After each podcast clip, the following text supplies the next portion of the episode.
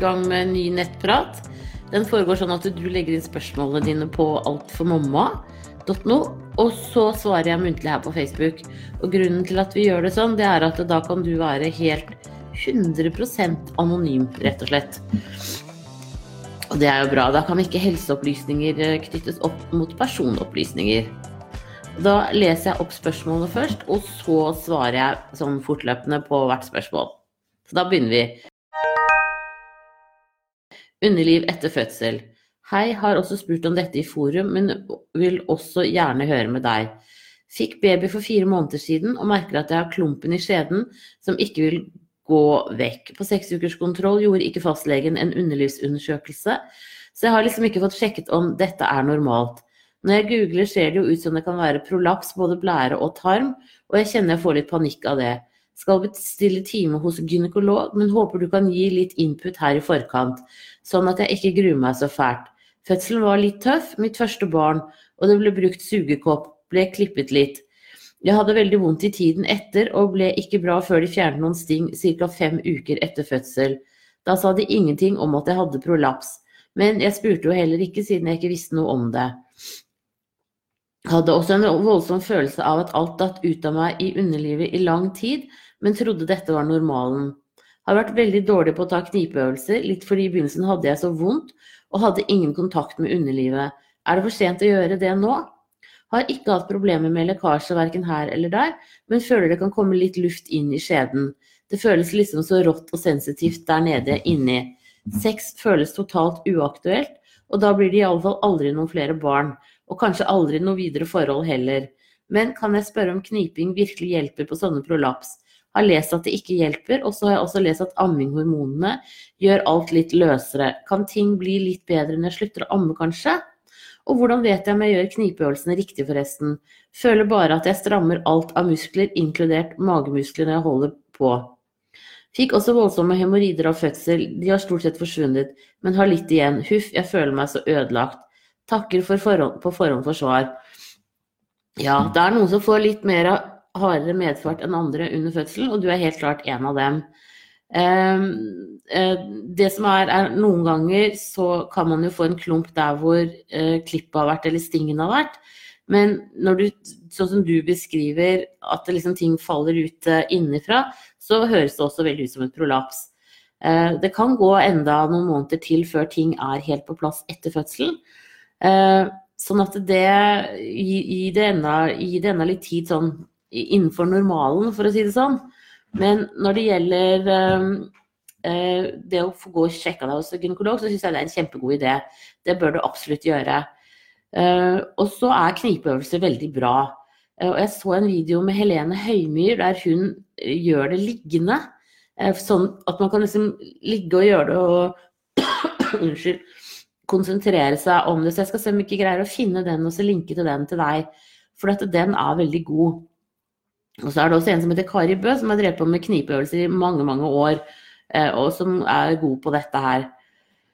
Um, sånn at eh, det må du faktisk bare gjøre. Og det er supert at du ikke har noen lekkasjer. Eh, for det er jo det de fleste ender opp med når de har en prolaps. Så det er kjempebra. Da tenker jeg liksom Da er muligheten for deg til å bli helt fin ganske stor. Uh, og så skjønner jeg jo det som du sier, at sex føles totalt uaktuelt. Uh, men det kan jo hende at det hjelper seg litt nå, om ikke så fryktelig lenge. Uh, og så er det noen som blir litt mer åpne på en måte i, i skjedeåpningen etter en fødsel. at man må liksom på en måte gå seg til litt, og så vil det mer og mer lukke seg med de store kjønnsløpene, sånn at det ikke føles fullt så åpent ut. og det også kan skje i løpet av de nærmeste månedene nå. Eh, men også tenker jeg i forhold til amming og sånn, så er det mest Det handler egentlig mer om tiden det går nå for at ting skal komme på plass. Eh, det handler ikke så mye om eh, ammehormonene, egentlig. Sånn at du må i hvert fall ikke slutte å amme sånn umiddelbart, tenker jeg. Nå, nå begynner babyen din å nærme seg som du sier, fire måneder. Da kan du begynne med andre smaksprøver. Eh, med mat. Men eh, det er veldig viktig også å amme ved siden av, for du har masse goodies eh, med næringsstoffer i melken din. Og også antistoffer mot sykdom, som er superbra for babyen din, og særlig nå når vi går vinteren i møte. hvor det blir mye forkjølelser etter hvert. Og så tenker jeg også sånn, nå hopper jeg tilbake til sex igjen, jeg da. At de, de, første gangene at, at, du har rikelig med glidemiddel liggende. Eh, fordi at det, de aller første gangene man har sex etter en fødsel, da kan det være noen ganger litt problemer med å, å så, så, lenge du ammer, med å bli fuktig nok i skjeden. Men da fantastisk oppfinnelse med glidemiddel. Uh, skal vi se Det jeg også tenker som også kan hjelpe litt på hemoroidene dine, og faktisk også prolapse, det er faktisk akupunktur. Uh, jeg også hadde litt prolaps etter første barnet mitt, og fikk akupunktur. Og det heiste liksom livmoren opp, så det funka veldig bra. Og det har faktisk holdt seg siden, selv om jeg har fått et barn til etterpå. Og da er det ikke noe problem med det. Så, så, jeg vil også rett og slett gått til en god akupunktør nå eh, og fått noen nåler, og så sett om ikke det også kan få ting litt mer på plass for deg. Og det hjelper også bra mot hemoroider. Det er klart at Har du hatt svære hemoroider, så vil du faktisk ha noen sånne små rosiner eh, som henger der mer eller mindre resten av livet. Eh, og som også, hvis du blir gravid igjen, selvfølgelig kan svelle litt opp. Men, men, helt borte blir som regel hemoroider ikke helt hvis du har hatt noen ordentlig store noen også. Da har liksom huden vært såpass eh, utvidet at den, eh, den, blir hengende der. På sikt så går det an å operere det bort, men eh, det, da, akkurat hemoroider kan være greit å vente med til du er ferdig med barn. Fordi der operasjonene er jo ikke så veldig kan være litt pinefulle. Skal vi se Da tror jeg det som, I forhold til det med kontakt med underlivet, da, så, så viser hun Helene Heimyr det på en veldig god måte, syns jeg. Så jeg skal finne den linken. Da håper jeg ting ordner seg for deg ikke så altfor lenge. Eh, så gynekolog og akupunktur, det tror jeg faktisk er to ting som er vel verdt. Og selvfølgelig da knipeøvelser. Veldig viktig å komme i gang med. For det handler jo om å få kontroll på de musklene der nede som faktisk gjør at livmoren også heiser seg litt opp. Da må du ha en strålende dag videre. Det er håp. Ha det bra! Og så er det glasur som sier Hei, vi bakte pepperkaker i helgen og lagde også glasur av melis og rå eggehvite. Det jeg lurer på er om denne glasuren kan lage bakterier som er farlige for gravide i ukene fremover mot jul i kakeboksen. Og kan gravide spise glasur med rå eggehvite i? Det kan du si. Uh, vet du, det, var, det, det, kan jeg faktisk ikke svare på. Uh, jeg har jo aldri hørt at man kan bli dårlig av det. Jeg lurer på om liksom det der samspillet mellom melis og eggehvite på en måte jeg gjør susen. Det du kan gjøre hvis du skal lage mer, er jo å bruke sitronsaft istedenfor uh, eggehvite. eh, og vann. Eh, for å være helt på den sikre siden. Men jeg har aldri hørt noen advarsel mot det. Jeg må, jeg må, rett og slett google det litt sjøl. Det er et veldig bra spørsmål. Jeg skjønner jo absolutt eh, ideen her. Uh, vi får spørre Jeg får finne et eller annet lurt sted, folkehelse eller noe, spørre. Og så skal jeg komme tilbake til det. Men da må du ha en riktig fin dag videre, og takk for at du følger med her. Ha det bra! Og så er det Mari som sier Kan du forklare litt hva HELP er for noe? Har lest og hørt litt om det og blir jo litt skremt, men forstår ikke bakgrunnen for at det oppstår. Hvor farlig er det egentlig? Takk på forhånd, du er helt super. Tusen takk for ros, veldig hyggelig å få det. HELP er um, Nå husker jeg ikke helt uh, forkortelsene, men H-en er vel for HEPAR, som betyr uh, lever. Um, og så er det noe Altså det det handler om, det er at hvis man har en svangerskapsforgiftning, og det har jeg også skrevet om på, på nettsiden på Alfa Mamma, eh, så ligger det en artikkel om det. Da kan den utvikle seg med høyt blodtrykk, proteiner, protein, proteiner i urinen, og så får man eh, ødemer, altså væske i kroppen. Så de fleste som får svangerskapsforgiftning, de blir ganske sånn hovne i ansiktet, sånn at du ser det også. Og så påvirker det høye blodtrykket og hele tilstanden kroppen på en sånn måte at eh, leveren begynner å svikte litt. Eh, og da kan man etter hvert også gå over i en sånn tilstand hvor de Altså hvor du øker blødningsfaren kraftig, og det har med de røde blodlegemene å gjøre. Eh, fordi koagulasjonsfaktoren i blodet forsvinner på en måte dette her kjenner jeg liksom at jeg kan for dårlig. Men det er sånn at koagulasjonsfaktoren i blodet blir borte, eh, og så kan man blø. I tillegg så kan du også, og da, da går det over til noe som heter DIC. Eh, så er så jeg, jeg, skal, jeg, skal, finne en ordentlig god forklaring på dette, og så skal jeg linke til det til deg. Men, men, det handler i hvert fall om det at man også da, i tillegg pga. det høye blodtrykket, så kan du få kramper. Eh, og hvis mor kramper mens hun er gravid, så er det veldig farlig for barnet. For da får ikke livmoren blodtilførsel. Eh, og det eneste som hjelper mot disse krampene, det er eh, sterkt eh, avslappende. Altså Vival valium. Eh, Vival. Og så er det magnesiumdrypp som gjør at man kommer på rett spor og kommer ut av krampene. Og dette kan skje både før fødsel, under fødsel og etter fødsel. Eh, og man kan noen ganger bli reinnlagt eh, med høyt blodtrykk så mye som 14 dager etter fødsel, faktisk. Sånn at eh, hvis man etter en fødsel begynner å kjenne igjen symptomene, at du har hatt preeklamsi før du ble gravid, du begynner å kjenne igjen symptomene, kanskje få litt hodepine, eh, bli litt sånn urolig i kroppen, sånne ting som det, så skal man alltid ta kontakt med lege eller jordmor og få en sjekk raskt. Eh, og sånn sett så blir også de som har hatt en kraftig preeklamsi i svangerskapet, de blir fulgt opp tettere rett etter fødselen med blodtrykksmålinger. Eh, og noen ganger så må man begynne med medisiner for å få ned blodtrykket. Så du kan si at blodtrykket er liksom det første man prøver å, å få kontroll på. Eh, og så tar man også da leverfunksjonsverdier i blodet for å se hvordan leveren jobber, og om den begynner å bli overarbeidet. For i det øyeblikket den begynner å bli overarbeidet, så skjer det mye kjemi i kroppen som da kan gi kramper og blod, for, altså forstyrrelser i blodets koagulasjonsevne. Så kort fortalt så er det det som skjer. Eh, og det er jo det vi som jordmødre og leger er mest redd for, er jo at en kvinne som har en svangerskapsforgiftning, skal gå over i HELP og så over i DIKK.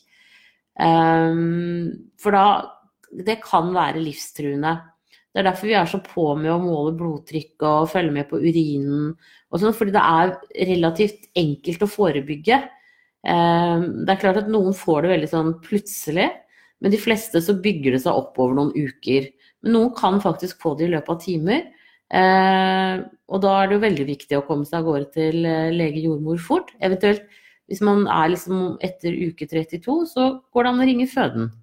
Eh, hvis man får disse her symptomene klem for brystet, som typisk sånn pannehodepine, eh, noen får prikker for øynene og sånne ting så det, da, da, skal dere, begynner dere med sånne ting, så skal dere søke hjelp, altså.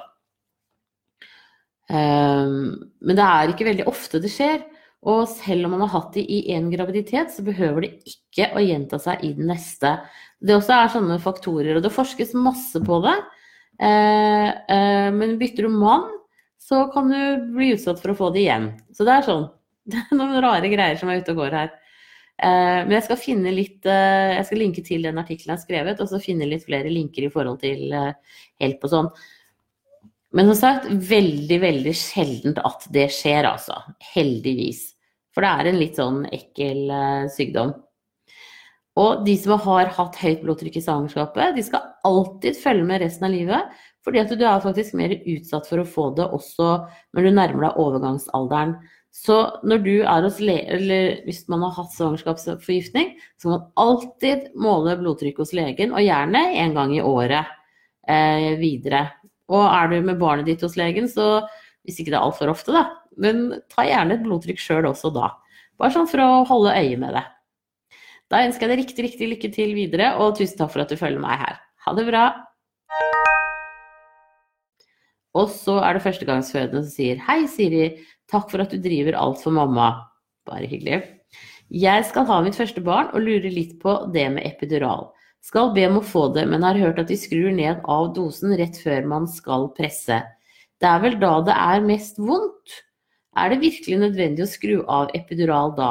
Forstår at det påstås at epidural kan bremse litt på riene, og at de må redusere dosen hvis riene avtar. Men under selve presserier. da er jo fødselen så i gang at man presser for alt det er verdt. Er det nødvendig å nekte oss smertestillende, altså epidural, akkurat da? Det er litt varierende og hva man gjør.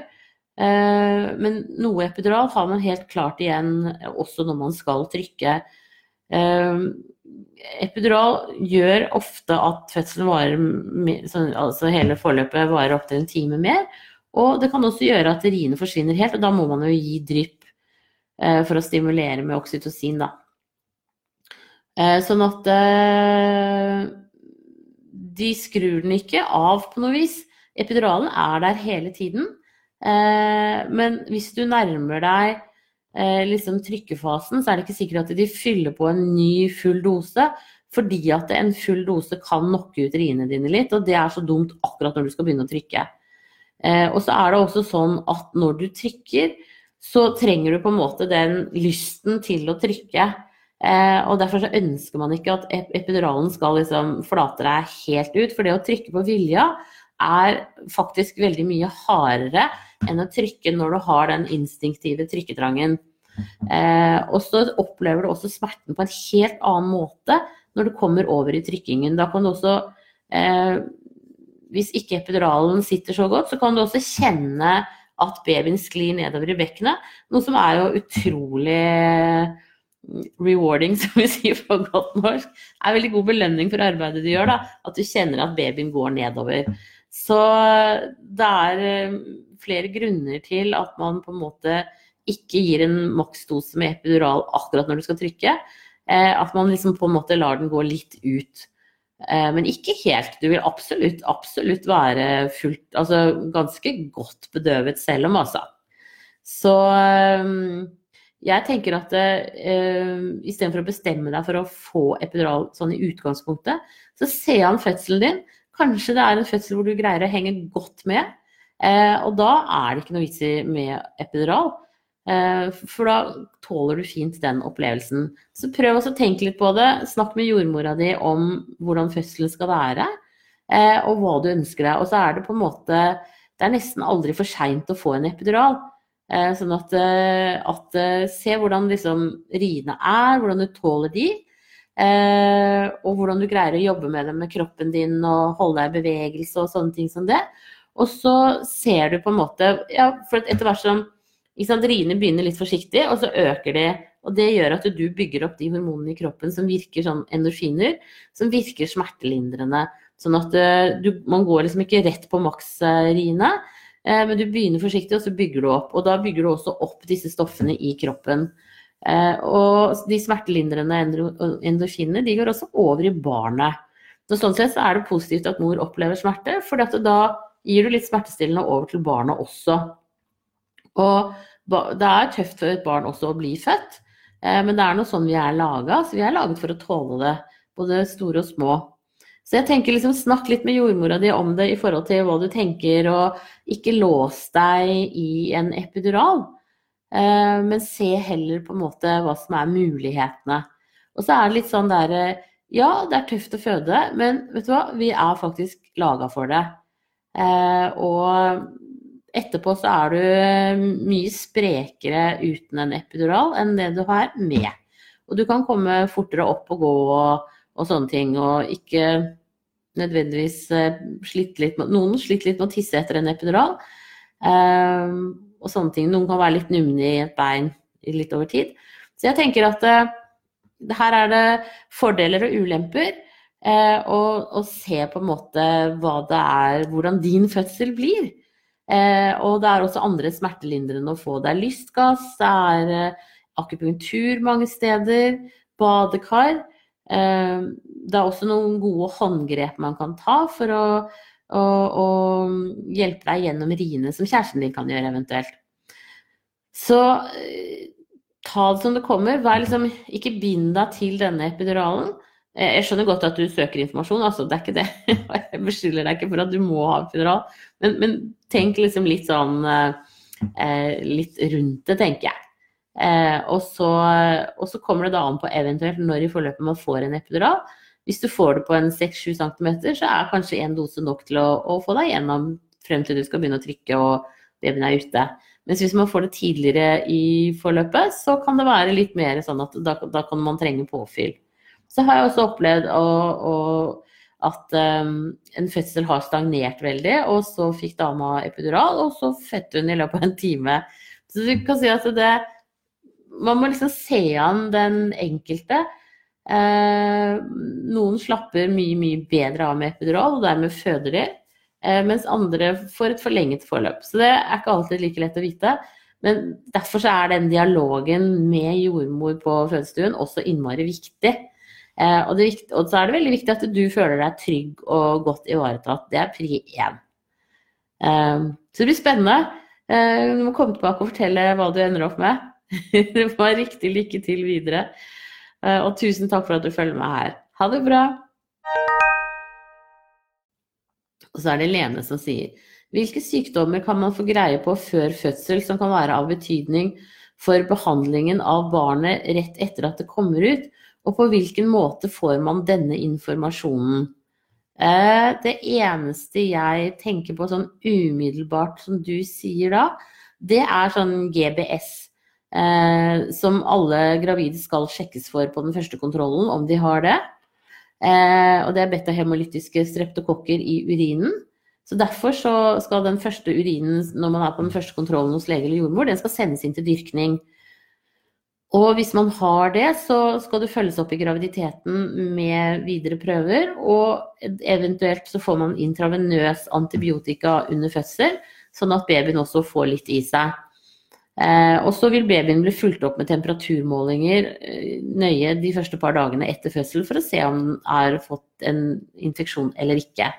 Men utover det så er det veldig lite som på en måte Som jeg kommer på sånn i farta. Så hvis, du, hvis det er noen spesielle sykdommer du tenker på, så skriv inn deg enda åpent en halvtime til, så legg inn spør, eh, spør om de konkrete. Um, og den informasjonen får du jo da eh, når lege eller jordmor får prøvesvarene fra urinprøven din på neste kontroll. Det er sånn Før så ga man alle som hadde GBS, så fikk de antibiotika. Eh, det gjør man ikke i samme grad lenger, fordi at eh, hvis du først har GBS i kroppen, så er det veldig vanskelig å bli kvitt det. Og som regel så har partneren også fått det. Eh, og det er på en måte noen av de bakteriene vi i stor grad lever godt sammen med. Men hvis de blir for mange, så, så blir vi dårlige. Eh, og det er sånn vi har mange bakterier i kroppen naturlig hele tiden. Vi lever jo på en måte i en sånn slags symbiose.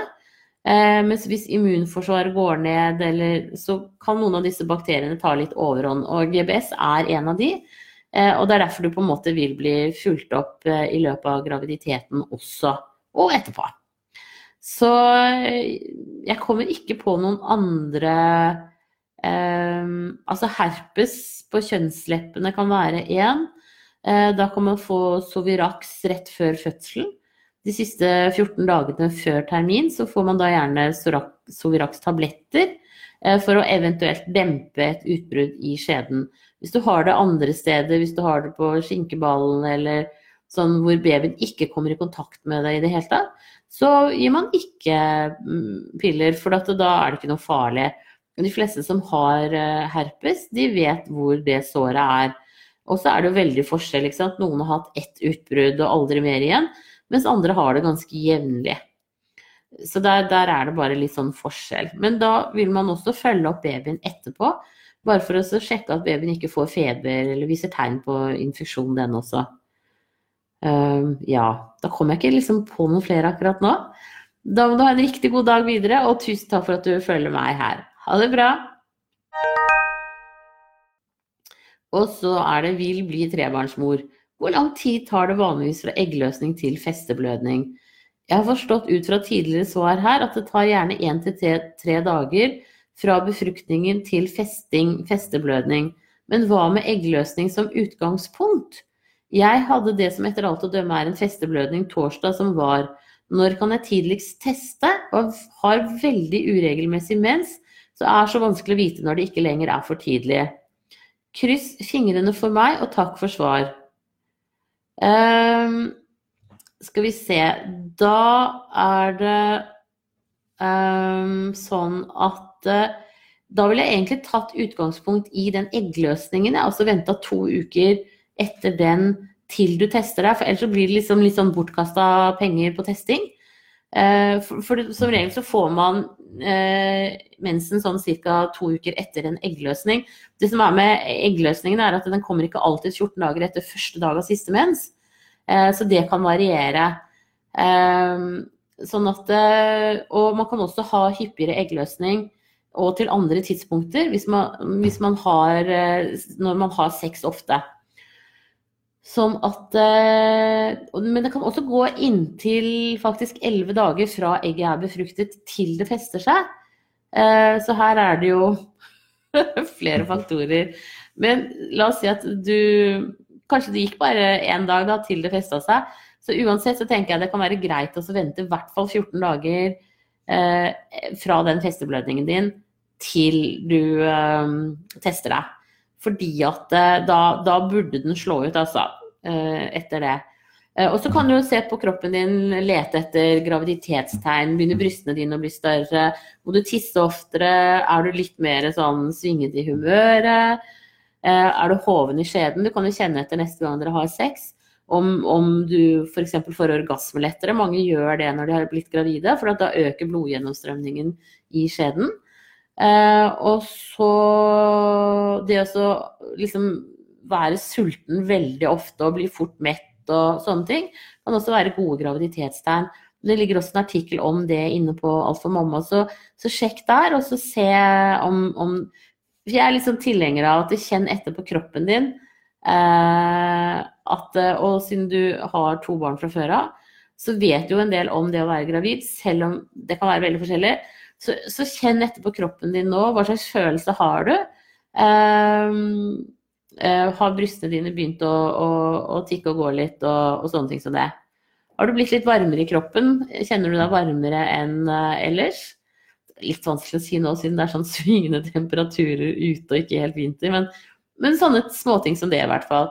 Så må du huske å ta gravide vitaminer som inneholder både folat og jod. Det er superviktig. Eh, og gjerne omega-3 også, altså. Det er også veldig bra både for deg og babyen. Så da ønsker jeg deg riktig lykke til videre, og så blir det spennende å se da om, du, om det klaffa denne gangen. Ha det bra! Og så er det frustrert som sier Hei, jeg er litt frustrert, jeg er litt oppgitt. Jeg fikk begynne rier i uke 35 og kom på føden med åpning i skjeden på 2 cm. Mormunnen var 2 cm kortere, og livmora eh, var nok mormunnen, var avflatet, moden og myk. Slimproppen gikk, og jeg hadde en blødning dagen etterpå. Jeg er nå nøyaktig 38 pluss 0, og ingenting har skjedd ennå. Jeg fødte før en gutt i uke 37 pluss 3. Er nå fire dager over første. Har hatt kraftige kynner i en uke, masse nedpress med stikk i underlivet og ilinger ned låret. Vært mye kvalm og hatt løsere avføring. Magen blir knallhard, spesielt etter bryststimulering. Har også mer utflod, helt vannaktig, uten farge og konsistens. Lukter litt rart, tror du noe er på gang. Jeg skjønner ikke hvorfor rier og slimproppen startet i uke 35 med åpning, og tre uker etterpå sitter jeg ennå her uten at noe skjer. Har bare kraftige kynnere og mye aktivitet i magen. Nei, det kan du si, det er ikke så lett å si alltid. Eh, noen ganger så liksom Eh, du har nok holdt på å gå i fødsel i uke 35. men Det er jo litt tidlig, så det er veldig bra at du ikke gjorde det. Eh, babyen din har så mye bedre av å holde seg inni magen din nå til litt nærmere termin som du er nå, da. Og jeg skjønner at det er frustrerende når du fødte i uke 37 sist, at du går litt over nå. Men sånn, sånn, er det bare. Den har kanskje bestemt seg for at den ikke var helt klar ennå likevel, den lille nurket. Og derfor så er du, eh, sitter du fortsatt der. Jeg tenker at eh, ta noen dager nå hvor du ikke stimulerer nipplene dine, eh, hvor du tar det helt med ro, hvor du sover mest mulig. Liksom samle krefter, og så se om ikke du, du bikker over i fødsel av det. For det er klart at når man går sånn som du gjør nå, med kraftige kynner og nedpress og de tingene der, så blir man også ganske sliten av det. Så i kveld når du skal legge deg, ta deg en Paracet, og så se om ikke du kan i hvert fall få sovet noen gode timer. Eh, og liksom ordentlig nullet deg. Eventuelt gjør det nå på formiddagen hvis du er alene hjemme og er trøtt. Eh, for jeg tenker at da, da kommer du liksom litt ordentlig nedpå. Eh, og så er det lettere også å starte i, i, fødsel når du har et litt bedre overskudd. Så jeg tror det er mitt beste råd til deg, å rett og slett bare være litt tålmodig litt til. Eh, og så prøv å få hvilt noen nå i noen par-tre dager, og så se om ikke det gjør at du på en måte får samla deg til fødsel. Um, jeg tror det er mitt beste råd. Og det at det lukter litt rart av utfloden, så lenge det ikke lukter vondt, liksom. At det lukter uh, råtten fisk eller veldig sterkt, så er det, er det, normalt. Og samme med farge og konsistens kan også skifte kraftig fra å være nesten sånn tykk til å være helt sånn vannaktig, sånn som du sier her nå. Så vann, hvis det var vannet som hadde gått, så hadde det nok kommet litt mer. Så jeg tror ikke det er det som har skjedd med deg. En måte å, Hvis man lurer på om vannet har gått, det er å legge seg ned på gulvet. Eh, eller i senga, for så vidt, men, eh, men, med et håndkle under. Og så da er det sånn at eh, hodet flyter liksom litt opp, og så renner vannet under.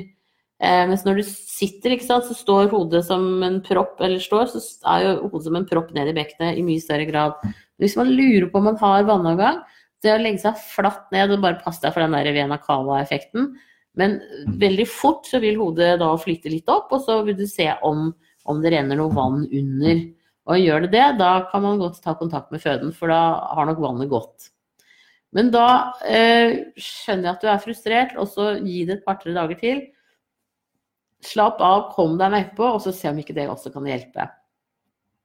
Da ønsker jeg deg riktig lykke til med fødselen, eh, og så er du snart flerbarnsmamma. Ha det bra!